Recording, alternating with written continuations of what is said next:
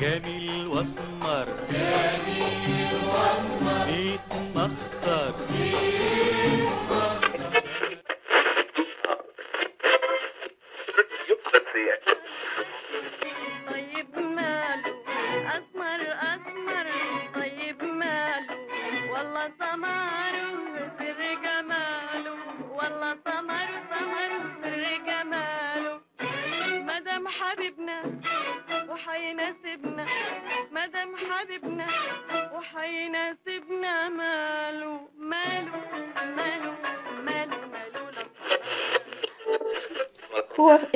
ماله بالظبط يعني أنا مش فاهمة. كل شوية حد يطلع يقول لك السمار نص الجمال والبياض الجمال كله وبعدين في فريق تاني بقى على الجنب بيقول العكس و... وفريق تالت بيقول لك سمرة بس حلوة. يعني هو إيه الموضوع بالظبط عشان نفهم القصة دي كلها هنغوص النهارده شوية في عالم اللونية تاريخيا واعلاميا. النهارده معانا إسلام صبري وهو خريج كلية الاقتصاد والعلوم السياسية بجامعة المستقبل. إسلام حصل على ماجستير في الاستبعاد الاجتماعي من جامعة أوبو في فنلندا وحاليا بيشتغل في مشروع تالنت بوست جامعة أوبو علشان يساعد الطلبة الأجانب في الاستمرار في فنلندا بعد التخرج. اهتماماته البحثية متعددة زي الاستبعاد الاجتماعي واللونية في الشرق الأوسط. وعلى ذكر اللونية النهاردة هنتكلم على علاقة البت بيضة بيضة بيضة البت بيضة ونعمل إيه بما يحدث في موضوع اللونية في مصر.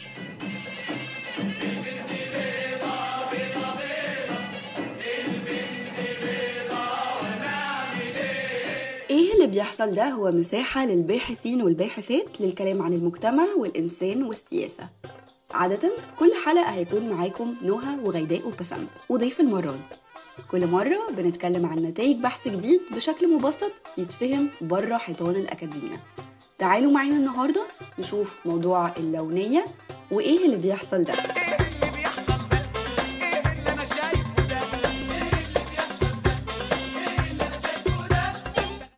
ازيك يا اسلام؟ أخبارك؟ ازيك؟ عاملة إيه؟ مبسوطين خالص ان انت معانا النهارده وباي ذا واي يعني البت بيضة ده جزء واضح اظن على اللونية ولا إيه؟ آه ده كل الألوان موجودة معانا. طيب أم، أنا عايزة أسألك اولا الرسالة بتاعتك جميلة جدا جدا جدا. أه بدأتها وقلت إن إحنا عايزين نتكلم على الحكم اللي هو مبني على اللون. وقلت إن دي اسمها اللونية. طيب أنا أنا بس مت يعني متلخبطة شوية مش دي كان اسمها زمان التفرقة العنصرية والكلام ده ولا إيه الجديد؟ يعني إيه اللونية وإيه علاقتها بمصر؟ كلامك مظبوط. هو أنا دي حاجة واجهتها وأنا شغال في رسالة آه، هو اختيار مصطلح مناسب لشيء أنا لاحظته في المجتمع عندنا. اللي إحنا عارفينه عن إن لما حد يتنمر على شخص أو أو يتعامل معاه بشكل مختلف لمجرد لونه هي عنصرية. بس لو جينا نبص برضو الناحية التانية هنلاقي إن إحنا ما عندناش إيمان بفكرة العنصر ما عندناش إيمان بفكرة الريس في المجتمع المصري ومعظم الشرق الأوسط يعني. ف لقيت إن إن أنا هقف عند مشكلة طب إحنا ما عندناش عنصر إزاي أقول على الفعل ده آه، عنصرية؟ وده اللي خلاني ابتديت في رحلة البحث عن مصطلح مناسب للظاهرة اللي أنا شفتها في المجتمع عندنا حلو قوي. يعني انت بداية حسيت ان إحنا فعلا عندنا فجوة في وصف القصة دي. مظبوط. عندنا فجوة في المصطلح حتى في الظاهرة موجودة. آه، أبعادها مختلفة تاريخها مختلف لكن موجودة. آه، هل نقدر نطلق عليها زي الغرب مثلا؟ ريسيزم أو عنصرية. آه، ده كانت ال- ال- الجزئية اللي أنا حاولت إن أنا أتطرق ليها قبل حتى ما أناقش الفكرة. لقيت إن إن اللونية هي أقرب حاجة ممكن أعبر فيها لأن إحنا بنشوف في مصر اللون إحنا بنلاحظ لون بعضينا وبنشوفه ك ك آه، ملامح مش بنشوفها ك كأنت صنفك آه، اللون امم ده؟ يعني ال- الأبيض والأسود مش هوية زي في المجتمع الغربي. الأبيض والأسود عندنا هي لون للبشرة. آه، ممكن يأثر على واحدة في الجواز بس مش هيأثر على آه، شخص في في في في تصنيفه المجتمعي. أنت لونك أبيض فأنت في المكان ده. أنت لونك أسود فأنت في المكان ده. حتى ولو ده فعلا بينعكس بشكل أو بآخر على الحياة الاجتماعية بس ما هياش هوية. أنا عايز أسألك سؤال يعني ليه ليه قررت في الرسالة بتاعتك إن أنت تاخد الموضوع ده بالذات؟ ليه قررت إن أنت تتكلم على ال anti-blackness واللونية وليه والله دي حاجة ممكن أرجع بيها بالزمن لورا موقف واجهته وأنا طفل صغير. ما أذكرش ممكن كنت ست سنين سبع سنين حاجة كده آه، في في في, في الرينج ده. آه، كنت في أنا فاكر في حديقة الفسطاط. واللي أنا فاكره يعني من الواقعة إن كان في مجموعة أطفال بشرتهم سمراء. أنا طبعا بعمري مش مش شايف آه، آه، الفرق ده لكن شايف إن في مجموعة أطفال آه، بيلعبوا مع بعض. وأنا كنت يعني ببص عليهم من بعيد يعني. طبعا أنا كنت خجول يعني وكان كنت عايز إن أنا أنضم ليهم بس كنت واقف كده بتفرج يعني بشوف بقيس ال- ال- التجربة آه، واخدها واحدة واحدة يعني. بعدين لقيت إن حد من الأطفال دول راح صرخ وقال أنا لقيت إزازة صابون سحرية. لقيت إن هو الأطفال كلهم طبعا انتبهوا وأنا طبعا already بحكم إني كنت متابعهم من الأول انتبهت أكتر. آه ولقيت إن هو بي بي بيصب منها على إيده وبيدعك من في إيده جامد جدا وبيقول لهم دي بت بت بتبيض. فابتدى الأطفال يبصوا على التجربة العملية اللي هو بيعملها بالإزازة ولقى فعلا إن هو لما بيدعك على إيده جامد جدا جدا جدا كف إيده ذات نفسه بيبقى بشرته بتفتح يعني. هو طبعا ده مش نتيجة الإزازة السحرية ولا أي حاجة هو نتيجة الهرش الجامد أو الدعك الجامد في إيده فده أيوة. بيخلي إن الدم يهرب وبيبان بشرته بشكل أفتح.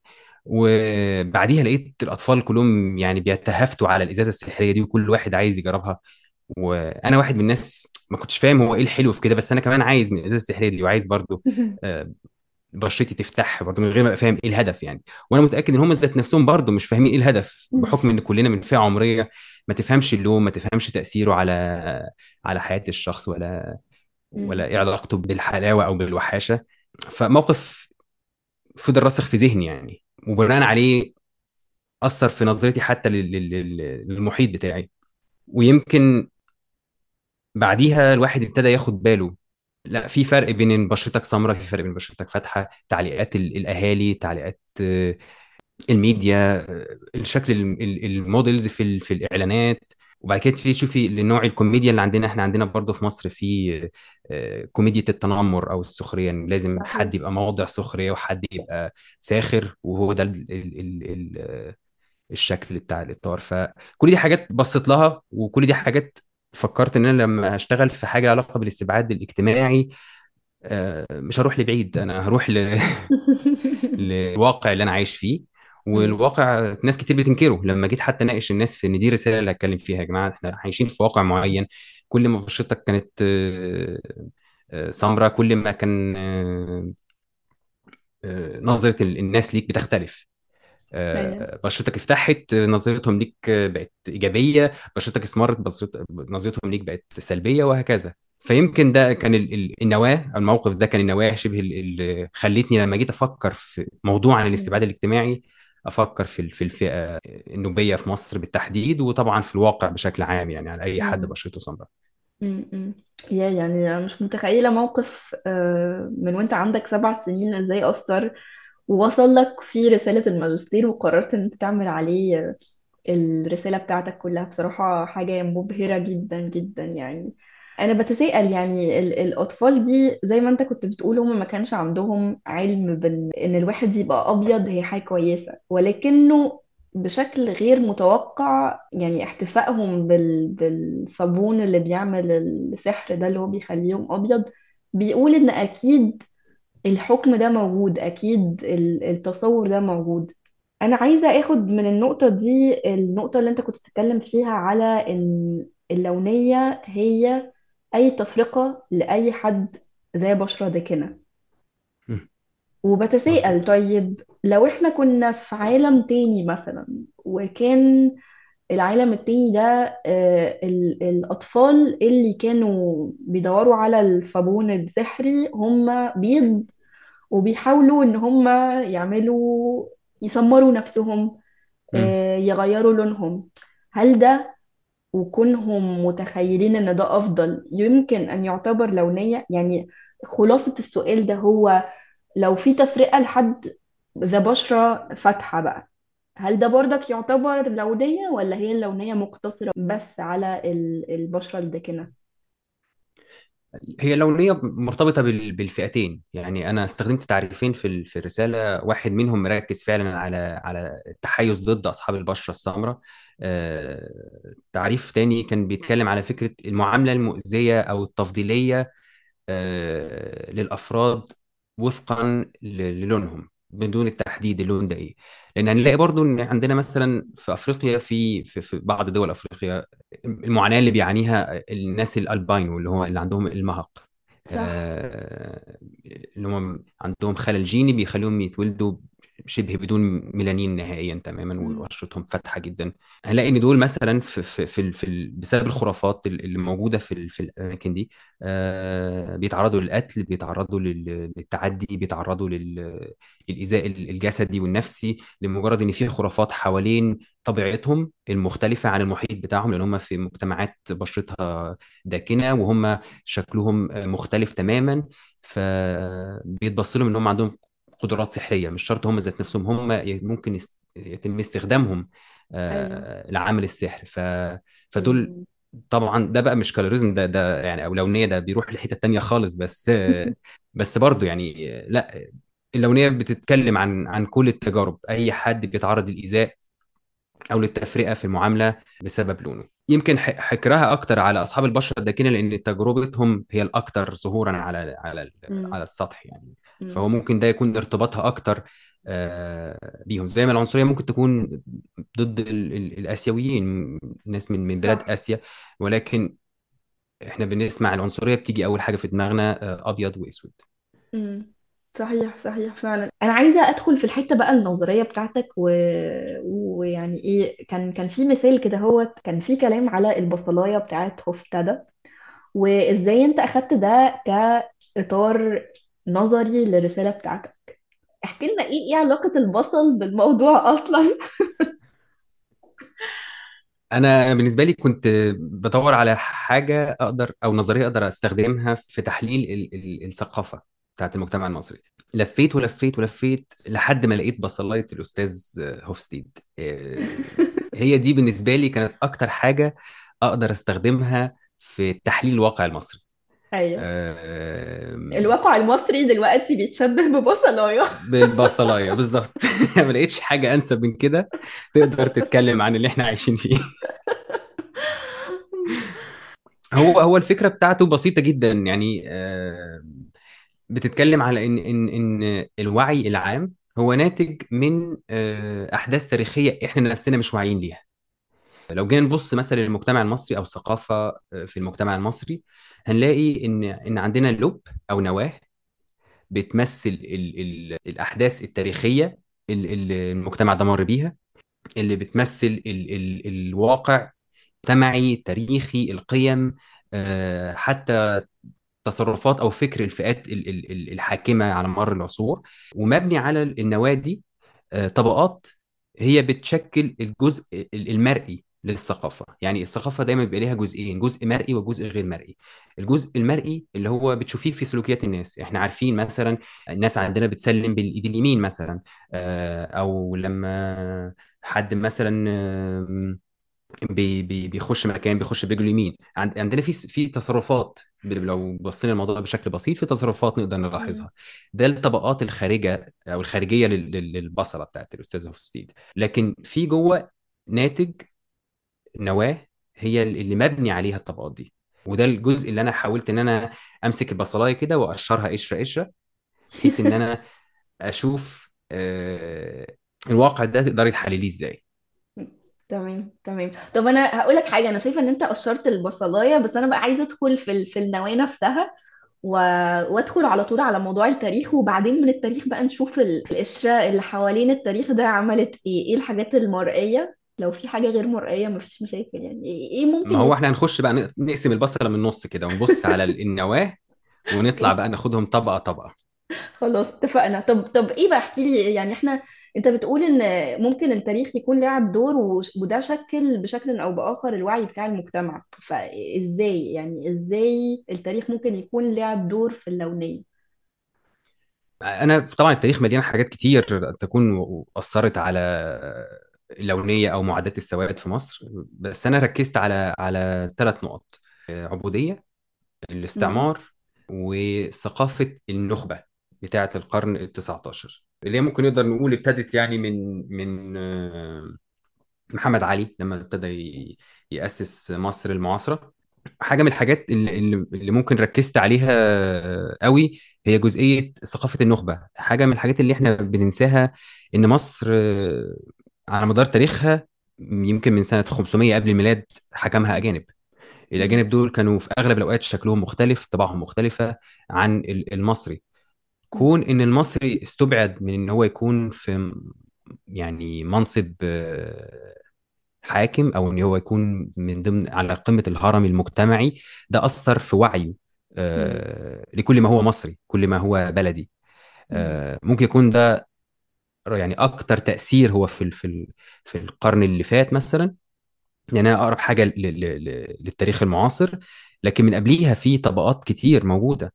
آه، إحنا. بنتكلم الفرس بيحكموا مصر من 500 قبل الميلاد آه، بنتكلم في إسكندر المقدوني 300 قبل الميلاد وبعديها بتتكلم في روما و و إلى آخره. فكل دي ناس بيضة كل دي ناس بشرتها مش مش شرط يكونوا بيض بال- بالمعنى ال- الغربي ولكن بشرتهم فاتحة. كل الناس دي أيوه شكلهم مش شبه المصري. حطي على على ال- الحكم الخارجي أو الاستعمار ال- ال- تاريخ العبودية. آه، العبيد آه، كانوا كل الألوان بس كل لون بيحدد فئة العبد كل لون بيحدد قيمة ال- العبد. ده برضه بينعكس على نظرة المواطن للون. مش شرط بقى بنتكلم في عنصرية ولا آخره بس بنبص إن اللون معناه آه، أنت أحسن ولا أوحش. فكل دي عناصر خدتها كده طبقة طبقة خدتها يعني عنصر عنصر وابتديت أحللها. هو إيه اللي حصل في في الفترة دي؟ وحصل آه كده إزاي؟ وده أثر على على الواقع بتاع الوقت ده إزاي؟ مم. وإزاي فضل لنا منه بقايا بنشوف منها لحد دلوقتي آه آثار حتى لو إحنا مش عارفين نربطها آه بالشيء ده. يعني مستحيل. يكون تجارة ال- العبيد اللي استمرت 1300 سنة مش سايبة في نظرة أو في وعي ال- ال- ال- ال- الثقافة مم. المصرية إن إن الاستعمار مرتبط بالعبودية حتى ولو الناس مش ما عاشتش في وقت شافت فيه آه، عبيد بعينيهم أو أسواق عبيد آه، بشكل مباشر يعني يا يا حاسة إن الكلمة بتاعت إن السمار مرتبط بالعبودية في أذهان ال- المصريين علشان ال 1300 سنة دول لوحدهم يعني هو كلام كبير قوي قوي قوي قوي على إن الواحد آه، يكون بيوصل السمار بال- بالعبودية يعني. انت بقى كنت بتدرس إزاي ده من يعني بتدرس ده صح كده؟ بتدرس وبتحلل إزاي ده منعكس في حياتنا وبالأخص في ال- الساحة الإعلامية. مظبوط. أول حاجة هتيجي على أذهاننا أظن ممكن تبقى اللي هو عثمان ده اللي هو ال- دايما بيبقى مصور في كل الأفلام والمسلسلات إن هو ال- الأسمر اللي لابس زي أبيض ومعمول آه، حزام أحمر في, في يعني على وسطه وبيجيب الشاي أو بيظبط الحاجات وكده هو. عثمان عثمان اجري اجري! يلا قوم اصحى الشمس طلعت وبقينا الظهر يا فتاح يا عليم يا رزاع يا كريم. عود عليك يا رب. ده برضك مرتبط بالعبودية يعني يعني إزاي عثمان والتصور ده مرتبط بالعبودية مرتبط باللونية مرتبط بكل الألفاظ الكبيرة دي. هو الفضل في المصطلح ده يرجع ل- لعلي الكسار الله يرحمه. آه، هو من أوائل ال- الناس اللي اللي قدمت شخصية عثمان. و- وحاجة من الحاجات اللي واجهتها وأنا شغال هو هل هل عثمان آه، أو علي كسار كان بطل أو أو فيلن امم يعني هل هو ساعد في تقريب نوبيين للواقع المصري ولا حط بس عليهم وصمة فضلت معاهم لحد يومنا هذا؟ لو جينا نبص لطريقة تناوله هي ما كانتش مقصود بيها سخرية. يعني حاجة من الحاجات اللي أنا برضو ذات نفسي ما كنتش أعرفها هو إن علي الكسار أصلا مش مش مش أسمر. علي الكسار أصلا مش نوبي. آه، هو كان بي بي بيدهن وشه بدهان أسمر عشان خاطر بيمثل شخصية ال- النوبي. لأن إحنا بنشوف ال- الحاجات أبيض وأسود فما كانش بيبان لنا ما نقدرش نحدد إذا كان ده شكله الطبيعي ولا. ولا ولا ولا حاطط حاجة. ولكن هو ملوش علاقة خالص بالنوبة. ولكن هو قدم الشخصية دي واتحبت من الناس بالشكل كوميدي. هو شخصية عثمان عبد الباسط أو أو زمان أول ما ظهرت الشخصية كان كان عثمان البربري. كلمة بربري كانت مرتبطة أكتر بالنوبيين فكان كان بيتقال عليه عثمان البربري. وبعد كده لما ابتدى يظهر أكتر في التلفزيون في, في السينما بقى آه، عثمان عبد الباسط. فهو كان بيقدمها بشكل كوميدي بيقدم صورة ال- ال- الخادم أو أو الشخص ال- النوبي ال- البسيط اللي هو بيقع في مواقف بس بسبب ذكائه إن هو عنده ذكاء الشارع المصري بيقدر إن هو يخرج من مواقف. فارتبطت ال- ال- الفكرة معاه. وعلى قد ما هو كان بيظهر عثمان ده في شخصيات كتيرة على انه هو آه، شخص مصري أصيل آه، وفي بعض الأعمال كمان كان وطني لأنه كان بيتناول آه، حاجات سياسية لها علاقة بمعاداة الاستعمار. بس برضو اللي فضل بعد ال- ال- الذكرى دي هو بس صورة عثمان ال- الشخص اللي بينطق عربي مكسر الشخص ال- ال- اللي كل حاجة بيقولها المفروض إن إحنا نضحك عليها الشخص اللي هو بس ما بيعملش حاجة غير إن هو يبقى على طول قاعد كسول بيقوم بمهن خدمية وإلى آخره. آه، وطبعا الصورة دي مش بس علي كسار اللي قدمها لا هي أصبحت اسطمبة في كل الأعمال. إن أي خادم نوبي آه، أو بواب أو سفرجي أو أو أو فهو بنفس المعايير دي. وهي ما كانتش نظرة خاطئة هي كانت بتعكس برضو إلى حد كبير الواقع بتاع الفترة دي. بعد انتهاء العبودية في مصر أصبح في احتياج ل- لعمالة تغطي الفجوة دي. آه، العمالة دي ال- ال- الفجوة دي اللي سدها هم اخواننا السودانيين والن- والنوبيين في الفترة دي. بشكل كبير هم أكتر ناس كان آه، بيتم توظيفهم في المهن دي. فأصبح مرتبط مرتبط صورة ال- ال- الخدمة بالنوبيين أو بالسودانيين. مرتبطة بالصورة اللي قدمها علي كسار اللي هي زي ما قلت لك إلى حد ما كانت بتعكس آه، واقع بشكل أو بآخر. بس بعد بقى ما انتهت الصورة دي فضل معانا اللي إحنا بنشوفه في في الميديا. الأفلام اللي بنشوفها. إحنا ما كناش عايشين في الفترة دي ما كناش عارفين آه، إيه ال- إيه ال- الواقع كان شكله عامل إزاي. بس الميديا بتدينا الصورة اللي بنربطها. آه، وبنعممها. طبعا طبعا. نروح بقى للعينة اللي أنت كنت بتتكلم عليها. أنت قلت آه، أفلام ومسلسلات وكاريكاتيرات كل حاجة. ممكن تختار لنا موقف أنت كنت شايف إن هو صادم شوية ليك وتصور بشكل عادي وبسيط كما لو إنه حاجة مش كبيرة؟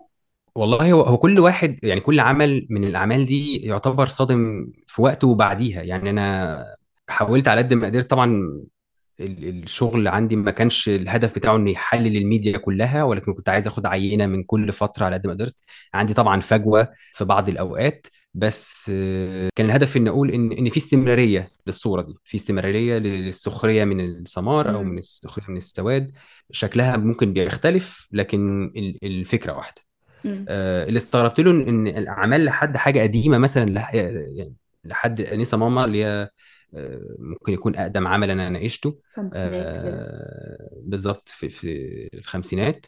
وبتكلم لحاجات حديثة لحد برامج آه، كوميدية ومسلسلات لحد 2019 فبنتكلم إن لا دي حاجة رغم اختلاف نوع الكوميديا في العالم كله ان أصبح الحاجات اللي كانت مقبولة في وقت معين.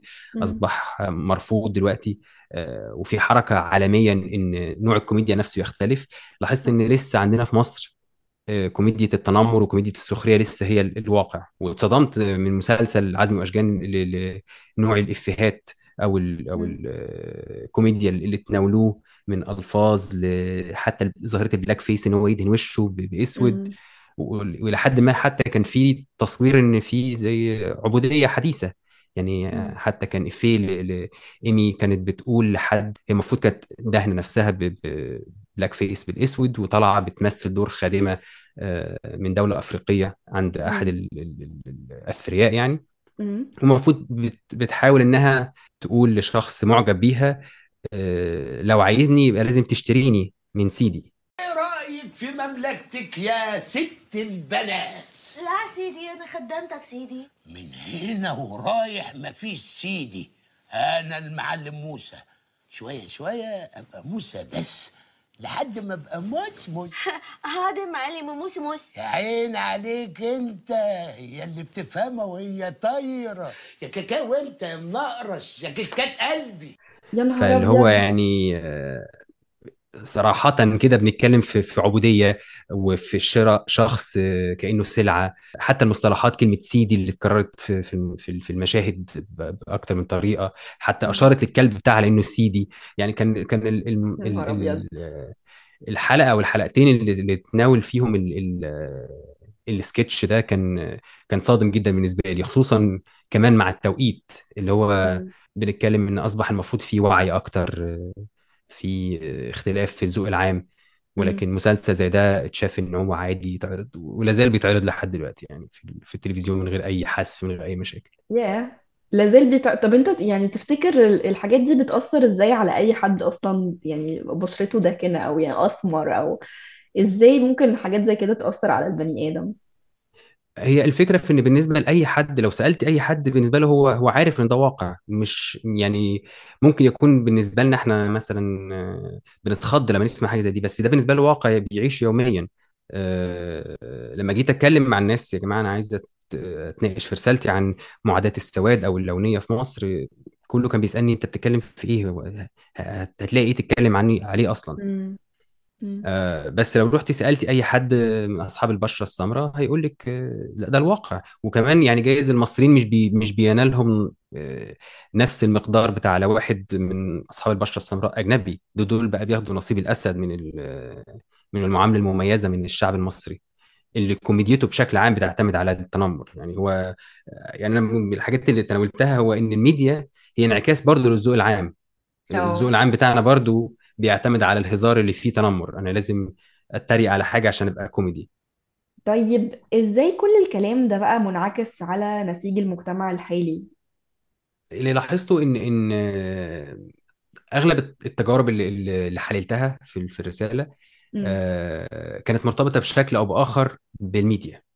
آه، الإفيهات اللي كان بيتم التنمر على أصحاب البشرة السمراء أو السود بيها أغلبها متاخد من أفلام سواء آه، أسامي زي مثلا سمارة من صعيدي في الجامعة الأمريكية أو شوكولاتة اللي موجودة في كل حاجة آه، عثمان من شخصية الخادم النوبي بكار من المسلسل حتى كلمة بواب أو خدام فهي مرتبطة من النظرة النمطية لأصحاب البشرة السمراء. كل دي يعني عبارات حتى ال- ال- ال- ال- اللاجئين أو أصحاب البشره السمراء اللي غير مصريين ما كانوش فاهمين إن هم بي بيتنعتوا بلفظ هم مش فاهمين الشوكولاته دي حاجة كويسة طب سماره أوكي ده ده الواقع اللي هي عايشاه أو اللي هو عايشه. عثمان ما يعرفوش أساسا. فأغلبهم حتى ما كانوش فاهمين إن في ناس بتتنمر عليهم أو ناس بت. بتضايقهم لأن هم مش عارفين ال- الواقع المصري شكله عامل إزاي. ولما تيجي تسأل مثلا بتعمل ليه كده هيقول لك بهزر أو هيقول لك دي دعابة مش مقصود بيها أي شيء فقيس على كده كمان بقى معاناة الناس دي في في في الحياة العامة يعني. مش بس كمان إن هم بيتنعتوا بألفاظ آه، لأ في ناس بت بت- بتتعدى عليهم بالشكل جسدي كمان لأن هم. أقلية لو لو بنتكلم على اللاجئين مثلا. فهم أقلية عايشة في في المجتمع المصري. أوريدي ظروفهم صعبة.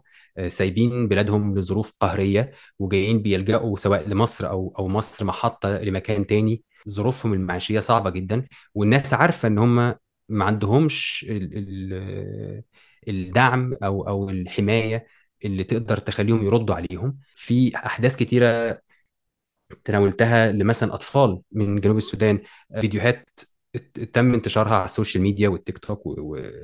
والفيسبوك شباب مراهقين مثلا جابوا آه، آه، طفل وابتدوا يرموه بالطوب في الشارع وي- ويقولوا له يا سمارة ويقولوا له يا شوكولاتة ويقولوا له الحاجات دي كلها كان نوع من التنمر والطفل مش فاهم أي حاجة الطفل مم. آه، آه، اتضرب واترمى عليه طوب وفي نفس الوقت وقع من الوقائع حتى اتسرق لولا إن الفيديو إن- انتشر ولولا إن هو وصل للناس وإن الناس ابتدت تقول لأ ده غلط وإزاي ده يحصل ما كانش. هيبقى فيه آه، رد فعل بيحصل وإحنا جالنا فيديو واحد بس هو في وقائع كتيرة جدا ما جالناش منها أي حاجة صحيح عندنا طفلة تانية برضو آه، مدرسة في مدرسة آه، مسكتها وقعدت تهينها لمجرد إن هي شعرها خشن. بشرتها سمراء والبنت مش فاهمة هي ليه بيحصل معاها كده و... وراحت تلجأ لأهلها وفي نفس الوقت أهلها مم. ذات نفسهم ظروفهم صعبة ما يسمحلهمش إن هم حتى يروحوا ياخدوا موقف من المدرسة. قيس على كده مواقف كتيرة. الناس برضو ات- اتقتلت كمان. يعني في حد وقع شخص اتقتل وات- واتقال إن هو لما بيتقتل كان قال عليه برضو ألفاظ عنصرية أو. فيها معاداة لبشره الشخص ده فهي ال- النظرة العامة اللي بتتجاهل إن في عندنا واقع آه،. بيعادي للسواد أو بي- بيت- بيتنمر أو بيأذي آه، مخلي الناس مش قادرة تواجه المشكلة. لأن لو جيتي سالت أي حد هو مش شايفها لأن هو بالنسبة له الواقع بتاعه خالي من ال من ال الفلتر ده ما بيشوفش ده لأن هو مش في حياته. لكن نروح للفئات دي بنسألها هنلاقي إن لأ بيواجهوا صعوبات في إيجاد وظيفة آه، صعوبات في إيجاد شريك حياة. كلميني بقى عن عن كم آه، إعلامي أسمر البشرة فنان. عندنا هو ممكن محمد منير وهو ذات نفسه عنده أغنية بيعايروني وقالوا لي أسمر يعني حتى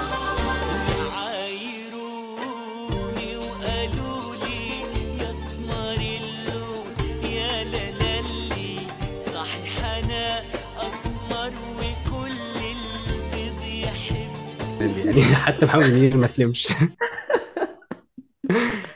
آه، أحمد زكي يتعدوا على فئات يعني الصوابع وحتى دول ذات نفسهم في بداياتهم واجهوا صعوبات بسبب آه، بشرتهم. لحد دلوقتي لسه عندنا إنكار للواقع ده إنكار للإيذاء والمعاناة اللي بيعانيها أصحاب البشره السوداء. و... و... ورأيي إن لو ما وقفناش وواجهنا الموضوع بحجمه الحقيقي بإن آه إحنا عندنا مشكلة مع اللون آه عندنا عقدة خواجة آه عندنا تفضيل للبشرة الفاتحة على البشرة السمراء أو السوداء مش هنقدر نحل آه،. المشكلة دي نهائي. أنا شخصيا شايفة إن في الوقت الحالي حاجة مهمة أنت عملتها هي إن أنت قلت اللفظ اتكلمت عليه طلعته. لأنه لما ال- الواحد بيسمي الحاجات بمسمياتها المظبوطة أظن ده بيبقى أسهل بكتير لما ياخد موقف بعد كده. انت من رأيك إيه الموقف اللي إحنا محتاجين ناخده؟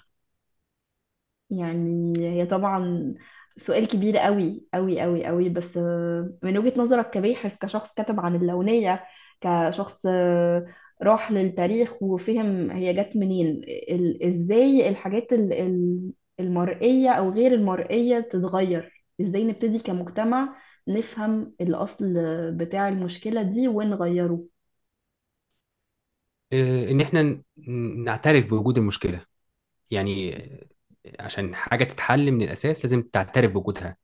أيوه. مشكلتنا إن إحنا بنحاول نزوق آه، ال- الواقع. يعني ما نقولش إن في آه، عنصرية ما نقولش إن في معاداة للاصحاب نقول إن في تنمر. آه، نقول إن في آه، سوء في الأخلاق. آه، لكن ما بنقولش آه، ما بنبصش لحاجة ونقول ونقولها زي ما هي. امم بنخفف من من أثرها من حدتها بنخفف من كونها مشكلة فعلية. بالظبط. بن- بنحاول إن إحنا يعني أنا بحس إن في نوع من أنواع التعاطف مع الجاني أكتر من امم التعاطف مع المجني عليه. أنت مش عايز تقول جريمته ب... ب... بحجمها الحقيقي بتحاول تز- تخففها وتظهرها وتلمعها كده بشكل آه، أكتر ايذاء. لمشاعره لكن مش بتبص على على عواقب حاجة زي كده مش بتبص على حد اوريدي شايف نفسه بره الهوية. يعني لما نيجي نبص كده ال- الهوية المصرية لحد دلوقتي لسه مش بتعترف ب... ب... بأي حد بره معايير معينة. امم آه آه، إحنا بنقول إحنا كلنا واحد والكلام ده كله بس لو جينا نبص لها كواقع هنلاقي إن إن لسه بنبص ل- ل- ل- للمصري إن هو الشخص القمحي ال- ال- اللي بينتمي ل- لدين من اتنين مفيش تالت ليهم آه، ال- ال- ليه مواصفات معينة ما بنخرجش عنها. ده أيوه بيستبعد فئات كتيرة جدا من المجتمع بتاعنا.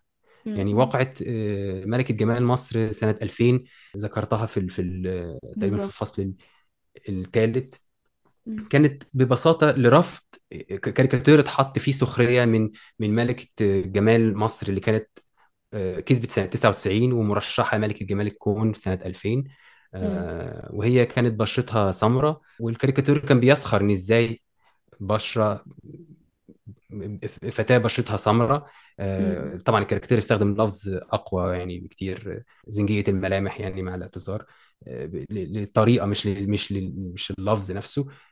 إنها تمثل مصر في مسابقة ملكة جمال. فإزاي حاجة بره معايير آه، ال- الملامح المقبولة امم آه، للمواطن أو المواطنة المصرية آه، تمثل ال- المجتمع المصري. لأن لأن لا زال عندنا رفض داخلي أو أو صدمة آه، ما بعد ال- ال- الاستعمار اللي فضلت مكملة معانا لحد دلوقتي لسه باصين إن حكامنا والناس ال- ال- ال- اللي في في مرتبة أعلى مننا آه، ليهم ملامح معينة عشان نبقى زيهم لازم نبقى شبههم. فلازم تبقى بشرتنا فاتحة زي الأتراك لازم تبقى آه، عينينا ملونة زي الأوروبيين لازم نبقى بنتكلم بطريقة معينة. لازم المصري ده يحاول يغير نفسه. المصري ده ما ينفعش يبقى مصري. لو هو عايز يحسن من مستواه الاجتماعي لازم يغير نفسه من كل النواحي. لازم يعيد اكتشاف نفسه يقول أنا عندي جد تركي ولا آه معرفش بالظبط. وتحاول ال accent تقول بتاعتي معنى اسم واخداها بقى. يحط بقى أسامي غريبة كده في أيوه. في اسمه أو أو يدي تاريخ معين يحاول إن هو يبعده عن المصرية لأن ده بيديله بيرفعه من البرستيج الاجتماعي. حتى لما جيت دورت على عقدة الخواجة لأنها مرتبطة ارتباط قريب جدا من من برضه اللونية في مصر. آه، مصطلح خواجة ذات نفسه في, في لقيت قاموس من سنة آه، 1890 أمم، و 1899 تقريبا. كان بيقول إن كلمة خواجة معناها سيد. فإن أنت تختار مصطلح ال- تشير ليه للشخص الأوروبي بإن هو سيد آه، في كذا علامة استفهام. آه، يعني كل- كلمة خواجة في في القاموس كانت سيد أو معلم. في جميع الأحوال هو في مرتبة أعلى من ال من ال من ال- الفئة العامة يعني. أيوه. آه، وتلاقي إن نظرة الم- المصري في الوقت ده لكل من هو خواجة اللي هو في الغالب الشخص الأوروبي الأبيض. الحاكم آه آه، بالظبط هي رغبه في إن هو عايز يحاكيه. هو عايز يبقى يقرب له على قد ما يقدر. قدر بقى يقرب له بال بال بالملبس وبالمأكل وبالمشرب. وبالمسكن كان بها قدر يقرب له بال بال بالبياض كان بها عشان كده تلاقي في الأسر في رغبة في إن الولد لازم يتجوز بنت بيضة عشان خاطر زي ما والله بنقول نحسن النسل. كلمة ال- الإفيه المصري ال- الجميل اللي لحد دلوقتي بسمعه. كل ما واحد يرتبط جميل بواحدة أيوه. أو واحدة ترتبط بواحد بشرته فاتح أو عنده أي ملمح من ملامح آه، ال- ال- الألوان الأوروبية يتقال على طول هيحسن النسل. كما لو إن لو جه نسل مصري فده شيء آه، فيه دمار عار لل بالظبط دمار للسلالة المصرية. والله جبتها من على لساني كنت لسه ب- بتكلم مع حد يعني أعرفه شغال آه، بيخطب يعني خطبة يعني. وكانت بتشتكي لي إن كل الشباب اللي عندها عايزين بنت بيضة يعني وصغيرة. ويعني هي مم. طبعا إحنا مش بنتكلم على صغيرة دلوقتي بس بيضة هي دي المشكلة. يعني إن هو خلاص لو تحقق موضوع البياض ده فهو اكتملت عنده كل اللي هو عايزه. حاجة صعبة جدا جدا. ومش مهم معاها إيه لأن هي في في الذهن هي بيضة فهي أكيد حلوة مش مهم مش مهم أي حاجة تانية مش مهم هي حلوة ليا ولا وحشة ليا هي بيضة فهي أكيد مش محتاج أسأل عليها يعني. حقيقي. حقيقي. والله يا إسلام آه، إحنا شاكرين جدا جدا على الوقت بتاعك و- وشاكرين على آه، مناقشتك وتعريفك لينا بمصطلح اللونية. أتمنى إن إحنا يعني بعد كده لما نتكلم على التفرقة بناء على اللون ما نقولش تفرقة عنصرية بقى يعني عارف يوصل لنا بقى حجم التقدم اللي بقاله اللونية. بالظبط كده. متشكرة جدا جدا مرة تانية يا إسلام. شاكر جدا ليكي والفرصة اللي اتحتيها إن موضوع يمكن يكون واقع كلنا عايشينه بس أغلبنا مش شايفينه فشكرا ده حقيقي ده حقيقي جدا جدا. على الفرصة دي. شكرا جزيلا يا إسلام وللأسف ده كان الوقت المتاح حاليا لحلقتنا من إيه اللي بيحصل ده. انتظرونا الأسبوع الجاي مع حلقة جديدة على السياسة والكورة في أسبانيا. و إيه اللي بيحصل ده؟